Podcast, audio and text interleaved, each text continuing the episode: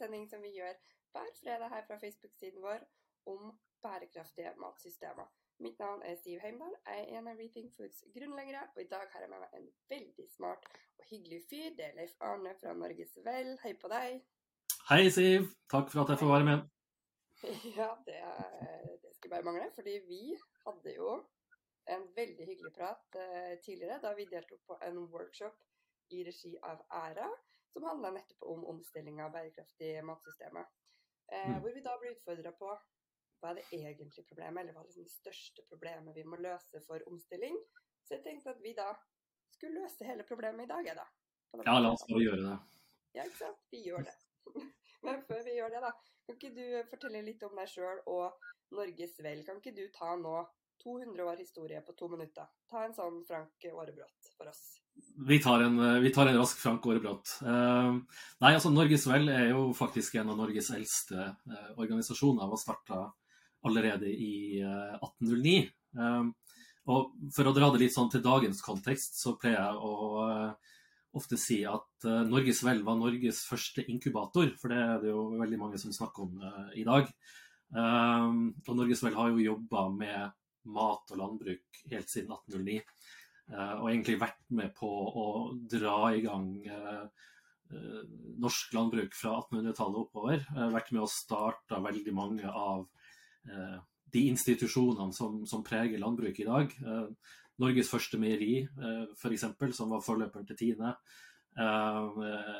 andre ting. Samvirkebevegelsen i Norge var det Norges Vel som var med og, og innførte og, og, var sekretariat for i, i, i, mange, mange år. Så det er en lang tradisjon med å jobbe med utviklingsarbeid innenfor mat og landbruk i Norge. som som starta med napoleonskrigen, faktisk, og handelsblokade eh, og mangel på korn. Eh, så selvforsyning, eh, som merkelig nok har blitt enda mer aktuelt i dag, var jo på agendaen da òg. Så Norges Vel har, har, fortsatt med det, har spissa seg enda mer inn mot, mot, mat og landbruk. Vi ble jo en organisasjon da som, som ble dratt inn i veldig mye i nasjonsbygginga. Så, så vi var vel med å dra i gang den første folkefinansieringa i, i, Norge også, da, da, universitetet i Kristiania skulle opprettes, nå Universitetet i Oslo. Um, men mat og landbruk er liksom, både i blå og grønn sektor, uh, er det som Norges Vel jobber med. Og, og etter hvert også eh, internasjonalt, siden midten av 70-tallet, da vi også uh, ble en, en bistands- og utviklingsorganisasjon og jobber med flere land i Afrika også med med mat og landbruk. Eh, småskala bønder, eh, fiskeoppdrett, eh, den type ting. Så driver vi egen gård, da. Hellerud gård. En av de største gårdene i, Lillestrøm kommune, som, som, har vært en ganske viktig utviklingsarena for norsk landbruk opp igjennom. Har jo vært litt mindre forsøksvirksomhet og den type ting de, de siste årene, men nå er jo det på full fart tilbake igjen, fordi at vi, vi står i den situasjonen vi står i med både klimaendringer og andre utfordringer, som var litt av det vi snakka om tidligere i uka. Så dere har jo bygd opp matsystemer før, og omstilt matsystemer før. Absolutt.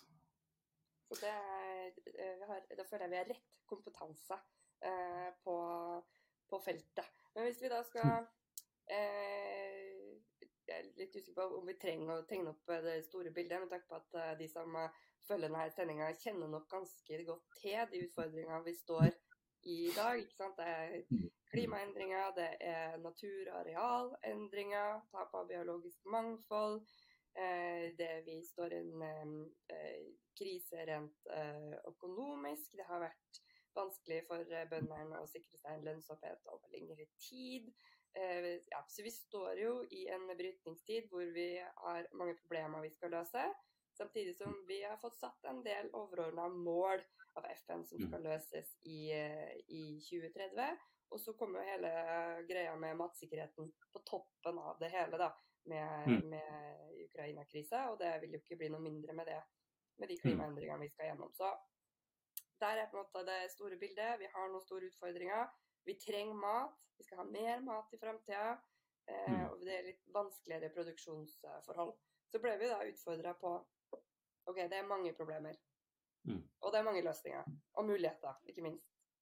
Men hva er sånn hva er det store, største problemet? Og det var jo der vi Og det kan hende at det er fordi vi er kommunikasjonsfolk. eh, Kan hende. at vi plutselig blir sittende og snakke om at Men når vi snakker om de her problemene, snakker vi egentlig om de samme problemene? Altså vi er enige om hvilke problemer vi skal løse? Har vi eh, Sitter vi nå og, og snakker vi litt forbi hverandre? Det var egentlig der vi, vi var. Ja. Ikke sant? Og det, det som du sier, at, at vi, vi Vårt fag er jo kommunikasjon, og det er jo liksom naturlig å, å også gå dit. Uh, og jeg tenker jo at sånn sett Hvis vi ser liksom hva, hva er det store Hva, hva er liksom bakteppet for det store problemet, da, så tenker jeg at det, det handler jo nettopp om, om, kompleksitet. ikke sant? Alt det du drar opp rundt alle de utfordringene og, og, og alt det vi ser på, jo, handler jo om kompleksitet. og, og så er det ikke nødvendig sånn at vi mennesker er så fryktelig gode på å takle kompleksitet.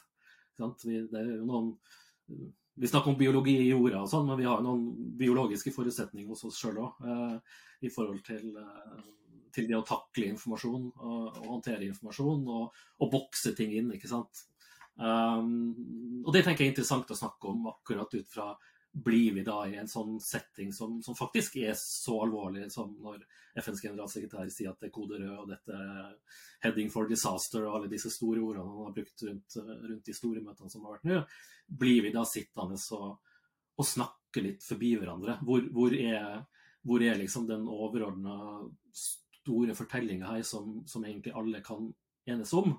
Um, eller blir det liksom lettere fordi at både vi som mennesker og samfunnet etter hvert fungerer sånn at vi, vi heller bokser ting inn i mindre enheter, og så tar vi liksom tak i, i en av de, og så føler vi oss veldig bra fordi at nå har vi liksom, nå har vi virkelig bidratt, eller nå har vi virkelig gjort noe, og så, og så er det kanskje det motsatte vi er i ferd med å gjøre.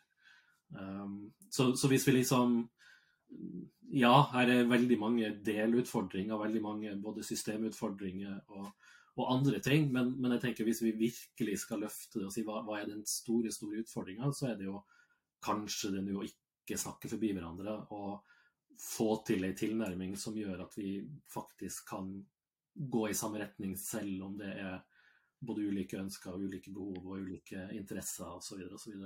Kanskje viktigere nå enn på, på, på lenge, og kanskje alltid. Jo, skal, du, skal, du, løse et problem, så må vi først bli enige om eh, hvilket problem du skal løse, før du kan komme med noen gode løsninger. Det er jo, eh, for Hvis vi tar den store samfunnsdebatten, da, så opplever jeg i hvert fall at eh, matprodusentene eh, eh, prater om helt andre ting enn det store samfunnet gjør. og Det er jo da man eh, opplever en veldig sånn klasjen mellom da storsamfunnet som har en eller annen forventning.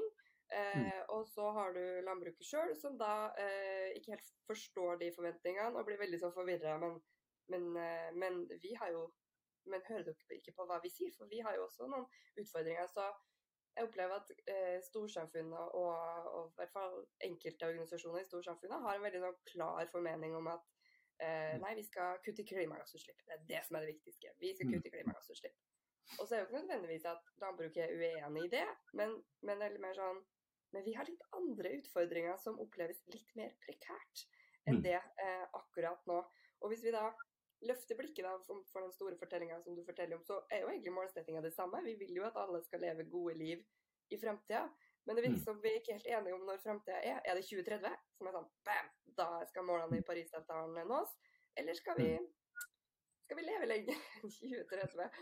Eh, det virker som det er der den, den store misforståelsen eller at man er litt uenig om hvilke ja, hva er egentlig målene vi skal løse her? Skal vi løse løse klimagassutslippsproblemene og få de fiksa i 2030, eller skal vi lage matsystemer som skal fungere mm.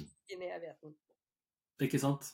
Nei, og, og, det er jo det som, som si, Igjen da, til kompleksiteten av det. At, at, at svaret det, det, ultimate svaret er vel ja, alt. Ikke sant. Um, og så det kom jo eh, FAO, som er FNs organisasjon for eh, mat og landbruk, kommer kom med en ganske omfattende rapport i forrige uke. De kommer hvert fjerde år med en sånn scenariobeskrivelse som, som, som nå kom. Og det er klart at de drar jo opp 18 ulike drivere for å få til dette. eller som påvirke matsystemene, spesielt de jordbruksbaserte matsystemene.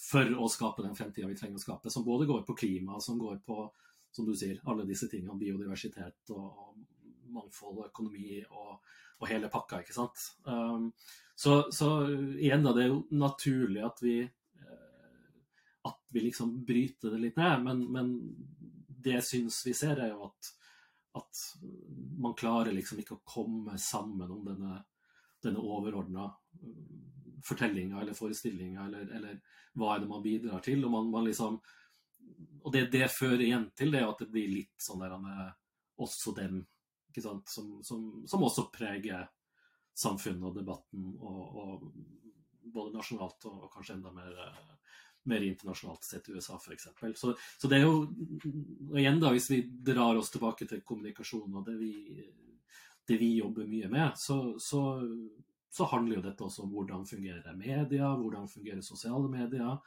Eh, hvordan blir vi påvirka av eh, disse eh, clickbates og overskrifter og behovet for det, er masse sånne ting som spiller inn.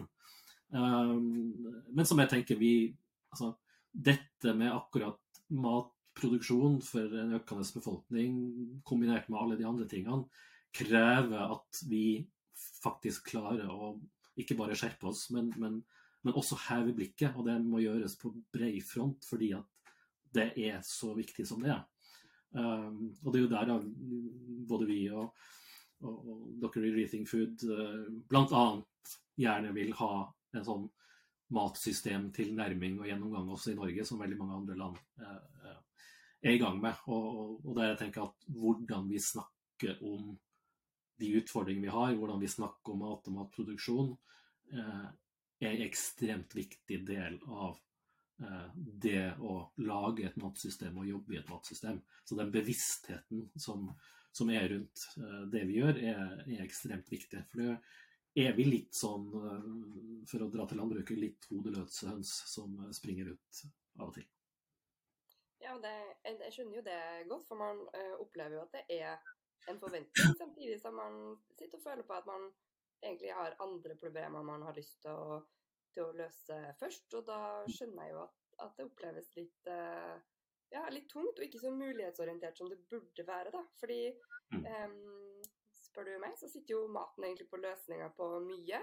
Ved at vi eh, endrer måter å produsere maten på, så eh, kan jo da eh, hele matsystemet bidra positivt inn både på klima og miljø, men også på sosial og økonomisk bærekraft. Og det er også litt uh, interessant når vi da snakker om kommunikasjon og hvilke ord og begreper vi bruker. For nå vet jeg jo at i enkelte miljø så har jo det her regenerativt begrepet eh, begynt å feste seg og blitt eh, veldig trendy.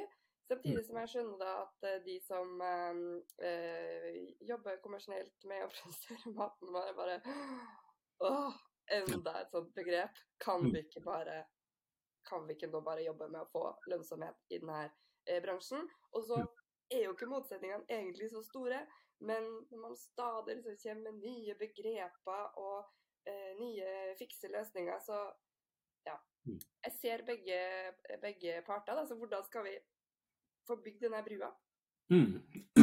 Nei, det, det, er jo som du sier, det jo, og det er jo veldig forståelig. Og det, det, er, jo liksom, det er liksom det jeg tenker på når vi, når vi går helt ned, ned på jorda og, og, og, ned til bonden, så, så, så, vet vi jo hvordan press det er der. Og vi, altså, det er jo liksom ingen som mistenker bonden for å, for å gjøre alt, gjøre noe annet enn enn faktisk gjøre det beste man kan for å få dette til å gå rundt og, og sånn. Og det er, jo, det er, jo, liksom der, og det er vel noe man også peker litt på i den FN-rapporten, at, at, at, eller FAO-rapporten, er jo dette systemet som trengs rundt å hjelpe til. Altså igjen, da, hvorfor det er så viktig å få denne systemtankegangen opp.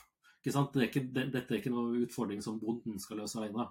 Her, her, må det liksom store ting til. Og så, og så sier man jo samtidig i, i denne rapporten at Eh, man er nødt til å ta vare på jorda bedre enn man gjør i dag. Man er nødt til å, å ta vare på livet i jorda og biodiversitet og, og regenerere. Så, så, regenerativt er jo også noe som trekkes veldig frem i den, den, den FAO-rapporten.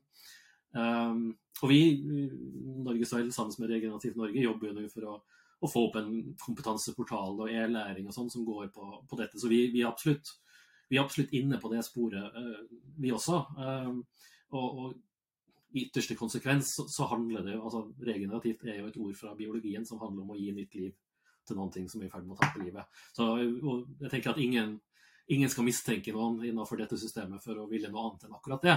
Eh, men så er det liksom, det kommer litt sånn eh, motord. Dette er jo noe noen har holdt på med, med, lenge, og det er ulike praksiser og ulike tanker om hvordan man skal, eh, skal, skal gjøre dette her. Og så, og så, er det jo kanskje et potensial for karbonlagring gjennom den type praksis som faktisk gjør at det har blitt så hot de siste par årene og, og, og kommet opp. Altså, man kan liksom se i tidslinje fra fra direktøren i Unilever var ute og sa at uh, om noen år så skal Unilever kun kjøpe produkter fra bønder som produserer regenerativt. Fordi Unilever har gjort en analyse om at uh, de er nødt til å, å gjøre noe med, med karbonregnskapet sitt. Uh, det er jo liksom der det oppstår, og så er veldig mange andre kommet etter, og så kommer det, så kommer det her. og så syns jeg kanskje at det er en enda større utfordring at, at det spiller over på så mange andre sektorer. For nå skal liksom alt være regenerativt. Det er, liksom, det er der det blir et moteord, tenker jeg, som, som, hvis vi ikke er bevisst i hvordan vi snakker og kommuniserer, kan bli ei, ei utfordring, da. Um, og det går jo på, ikke minst da uh, ser Vi deltar jo på en del sånne møter, både du og jeg, rundt omkring. Uh, og, og, jeg ser jo i diskusjonen rundt det med regenerativt, så det jo blir det veldig mye satt opp mot bærekraft. Altså, man er liksom inne i et sånn eh, modus der man sier at uh, OK, bærekraft er ikke nok lenger. Vi, vi, det funka ikke. Vi, vi må, nå må vi tenke regenerativt. Vi må bygge opp, ikke bare en sånn net zero, eller, eller hva man, man, skal tenke på det som. Um, og det, og det syns jeg er litt utfordrende, fordi at uh, jeg ser også den ene sida at man er utålmodig, man vil gjerne videre. Uh, dette er noen ting som gir mening for veldig mange. At ja, selvfølgelig skal vi bygge opp, vi skal gjøre det bedre enn det var, vi skal regenerere systemene. Ja, helt åpenbart og klart. Uh, men jeg tenker ikke sette opp mot altså, La det være en del av bærekraftsarbeidet, ikke sette opp mot bærekraft. Og spesielt ikke da som en sånn kjepphest uh, både hos meg og hos, hos Norges Vel, egentlig at ikke sette opp mot FNs bærekraftsmål, som er et av de største eh, fremforhandla internasjonale systemene og avtalene vi har for faktisk å klare å gjøre noe med bærekraft. Da blir det kontraproduktivt. ikke sant? Så, så, så igjen da, litt sånn bevissthet på hvordan vi snakker om ting. Bevissthet rundt kommunikasjon, og at ord faktisk betyr noe. Mm. Mm, jeg, for, jo, jeg, er jo enig med det. og jeg har eh, egentlig ikke helt skjønt uh, hvordan man kan bruke det som motsetninger. For det, jeg tenker jo at det er jo et, et, viktig verktøy nettopp for å nå de bærekraftsmålene. Og så vet jeg jo også det at i deler av landbruket så, ser man jo, syns man jo det bærekraftsordet også er et veldig irriterende moteord. sånn at det liksom slenger på på flere tror jeg også da blir, blir kontraproduktivt. Så spørsmålet er jo da um, hvordan skal vi bli enige om å prate det samme språket?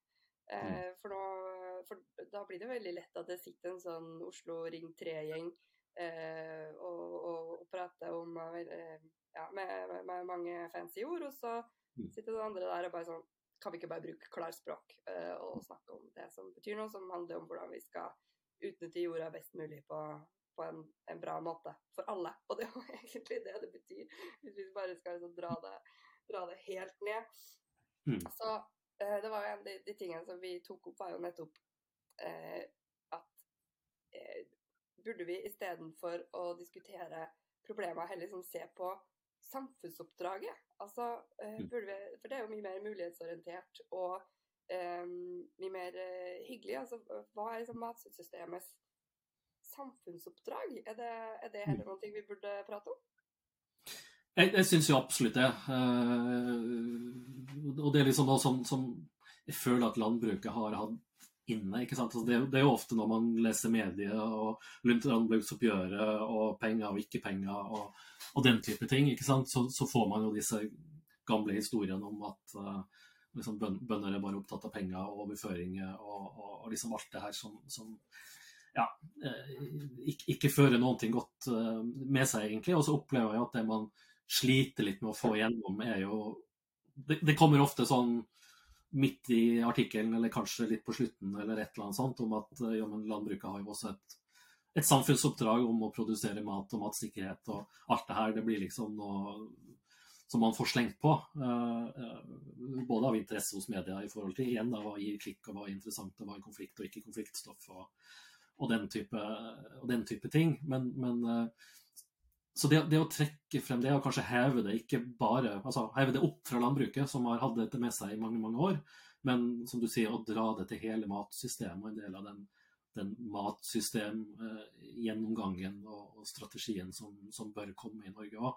Eh, hva, hva, er matsystemet sitt samfunnsoppdrag? Hva er det vi kan enes om at vi skal gjøre i, i fellesskap? Og, og, og, ikke minst, hva betyr det da i forhold til igjen da, hvordan vi snakker, hvordan vi kommuniserer, hvordan vi bruker eller misbruker disse verktøyene vi har på, eh, på kommunikasjon, tenker jeg er, er veldig viktig. Og igjen da, fordi at det er noen tema og noen uh, utfordringer vi har på global basis som er så viktige at vi faktisk er nødt til å heve blikket og tenke at OK, kanskje vi skal gå litt dypere inn i saken. Kanskje vi skal tilby forbrukerne uh, en litt bredere, litt mer transparent uh, fortelling og informasjon enn, en at vi nødvendigvis skal få de til å klikke på, på neste artikkel. Um, så det, det, tenker jeg, det, tenker jeg, er viktig, og også litt sånn inspirert av eh, Som sagt, vi Norges Vel jobber jo også internasjonalt uh, med, med, utviklingsarbeid. Og, og, og, det er en sånn Ganske nylig kommet en sånn uh, skal jeg si, en internasjonal håndbok, eller man har tatt et initiativ som kalles for dignified storytelling, som jeg syns er ganske spennende. Så det handler jo om å lage noen prinsipper, noen guidelines for Eh, hvordan jobber du med både kommunikasjon og journalistikk inn i utviklingsområder som du kanskje ikke har så veldig stor forutsetning eller kunnskap om, eller, eller den type ting. Hvordan forteller man disse historiene på, på eh, de ulike aktørene sine premisser, f.eks. Um, eh, så det er noe vi jobber litt med i kommunikasjonsavdelinga hos oss. Og, og, og, utgangspunktet er jo i dag igjen altså det enorme kommunikasjons... Uh, Eh, og, stories-flyten, og, alle produserer sine historier og alle produserer sine ting av varierende kvalitet og av varierende etterrettelighet osv. osv. Uh, jeg tenker dette er sånn ekstremt viktig også å heve, uh, både for alle som jobber med kommunikasjon innenfor målsystemene, men, men egentlig hele kommunikasjonsbransjen burde se til sånne initiativ og, og se på de situasjonene vi står i nå, med med den, eh, den eh, eh, Hva skal jeg si Plikten vi har til å kommunisere dette på en riktig og god måte. Ja, og det, det gjelder jo ikke da bare landbruket eller matprodusentene sjøl, men også i alle de som da eh, skrive om de samme temaene. Man plikter seg til å faktisk eh, sette seg inn og forstå eh, de man skriver om, og om prosesser man skriver om. For det er jo Uh, ja, vi har jo en liten hang til sånn quick fixes og skal, uh, skal lete etter de letteste, enkleste løsningene. Og så er det jo den her kompleksiteten. Så um, Og det, det, er jo veldig lett å hoppe over ting som er vanskelig. Uh, men jeg er veldig enig i det at her har man jo Man står over så store utfordringer at man, man roter det til med seg sjøl ved å ikke gjøre jobben ordentlig. Mm. så det hadde vært interessant å se på hvordan en sånn type eh, dignified storytelling kunne sett ut på, på, matfeltet, da. Nå skjønner jeg kanskje de som ikke følger kommunikasjonsfeltet eh, så godt, uh, lurer litt på, på, hva vi snakker om, men, men, det er jo nettopp det at uh, det har vært en del ja, markedskampanjer og historier, ikke bare fra media, men fra bistandsorganisasjoner sjøl, som, som, har fortalt historien på en litt for enkel måte. At det, det er bare, bare fattige barn i Afrika. og så viser det seg at Historien er jo ikke sånn. Og så sitter hele verden med et helt feil inntrykk. Eh, og løs igjen, vi løser feil problemer fordi vi har feil inntrykk. Og det er jo mm. litt det samme egentlig vi sitter med på matfeltet. At mm. uh, vi snakker ikke det samme språket lenger fordi vi har fortalt en feil historie for lenge. Mm.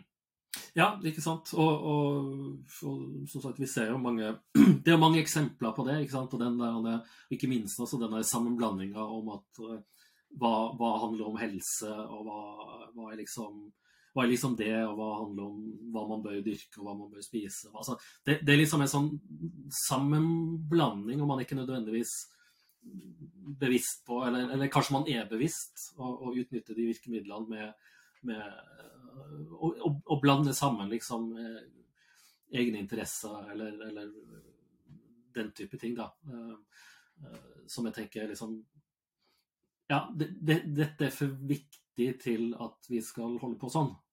Det tenker jeg vel vel som budskapet og, og, behovet er liksom helt tydelig. Nå var det en, en, en sånn trendrapport rundt, rundt kommunikasjon i Norden, der man har snakka med med flere hundre kommunikatører og store bedrifter. Og, sånn, Hvordan de tenker og jobber kommunikasjon, og hva ser de komme fremover. Uh, og En av de viktigste trendene som, eller utviklingstrekkene som, som, vises der, det er jo det at flere og flere uh, ser på dette med innholdsproduksjon som en kjernevirksomhet for sin bedrift eller sin organisasjon. Vil si at man, man, har alle de basic tingene man gjør og leverer på produkter og tjenester, men så har man etter hvert også flytta det å produsere innhold opp til å være en del av bedriften sin kjernevirksomhet, nettopp fordi at det er sånn kommunikasjon fungerer nå. Nettopp fordi at det er så viktig å nå ut, og nettopp fordi at eh, media har tatt den retninga media har tatt. Eh, igjen med mer og mer sånn clickbates og, og den, eh, den, type ting som du finner hver eneste dag i hver eneste avis omtrent, som, som er ja, mer fordummende enn at det faktisk bidrar til noen ting. Så det er jo da um, Jeg skal dra det tilbake til her uh, samfunnsoppdraget. da, at uh, Hvis vi klarer å bli enige om et litt så utvida samfunnsoppdrag at uh, ja, det handler om maten vår, at vi skal produsere mat, men også det at matproduksjonen kan bidra til å lagre karbon, kan bidra til å bevare natur, til å bygge opp økosystemer. Um, at vi, hvis vi klarer da å løfte maten uh, litt uh, høyere opp, mm. uh, så tror jeg egentlig at vi også klarer å bli enige om hva det er vi egentlig skal løse, sånn at det gagner både de som produserer maten, og de som skal spise maten. Så da er det mm. jo å bruke de kommunikasjonskanalene vi har, til å være med og fortelle den overordna historien og få med resten av samfunnet på at jo, man leverer jo et utvida samfunnsoppdrag mm. utover det å, å, bare produsere mat. Selv om det i seg sjøl er jo også en, en, ganske viktig del. Vi, vi må jo ha mat i fremtida også, det er jeg ganske sikker på. Absolutt. Og så tenker jeg at det, det ekstremt viktige her er jo at den, det samfunnsoppdraget må gjelde hele verdikjeden. Ikke sant? Mm. Uh, alle må ta, ta sin del. og, og og jeg håper jo absolutt at vi kan jobbe videre med å, å se på dette med hvordan kan man lage en sånn type dignified storytelling, noen guidelines for hvordan man jobber med, med kommunikasjon rundt, rundt, mat og matproduksjon. Uh, sånn at om man sitter i Norges Vel og skal lage en artikkel på noe av det vi gjør, eller, eller man sitter i kommunikasjons- og markedsavdelinga til Orkla og skal lansere et nytt produkt, så har man noen sånne tanker om OK, hva, hva, er, hva er, det vi faktisk er i ferd med å gjøre nå? Hva, hva er det vi kommuniserer ut? Og er dette riktig, delvis riktig. Eh, hva i hele, hele, bildet er, da. Det tenker jeg er ekstremt viktig at vi får noen diskusjoner på. Mm. Enig. Så hvis du har fulgt denne sendinga og syns at uh, vi bør uh, lage noe rammeverk om hvordan vi skal prate om, om maten vår fremover, så ta gjerne kontakt med deg, Leif Arne. Det kan du gjøre på e-post, kanskje? Det kan du gjøre. Den korte e-posten leif-arne.kristiansen med k norgesvel.no. Eller bare gå inn på norgesmell.no og finn meg der. Mm, det er kanskje det enkleste. Og der på norgesmell.no så eh, står jo alt eh, spennende dere også driver på med, så anbefaler jeg å følge dere på LinkedIn. Jeg syns dere gjør en veldig god jobb på, på, LinkedIn. Og dere er alle veldig flinke også til å dele. Så alle ansatte deler hva dere driver på med. Så det, mm. der, eh, der, anbefaler jeg folk å, å gjøre. Det er en bra, det er bra informasjonskanal. Så der eh, får du skryt fra meg. Det var bra kommunikasjon. Takk for det. Det tar vi med inn på i fredagen. ja, så fint. Så jeg vet ikke om vi løste hele problemet, men vi fikk i hvert fall diskutert litt uh, det litt uh, de kommunikasjonsutfordringene vi står, vi står overfor. Og så kommer vi helt sikkert til å prate om de samme tingene videre også, men da sitter vi strek her denne her fredagen i hvert fall. Og så høres vi snart igjen. Takk for at du deltok. Takk skal du ha. God fredag.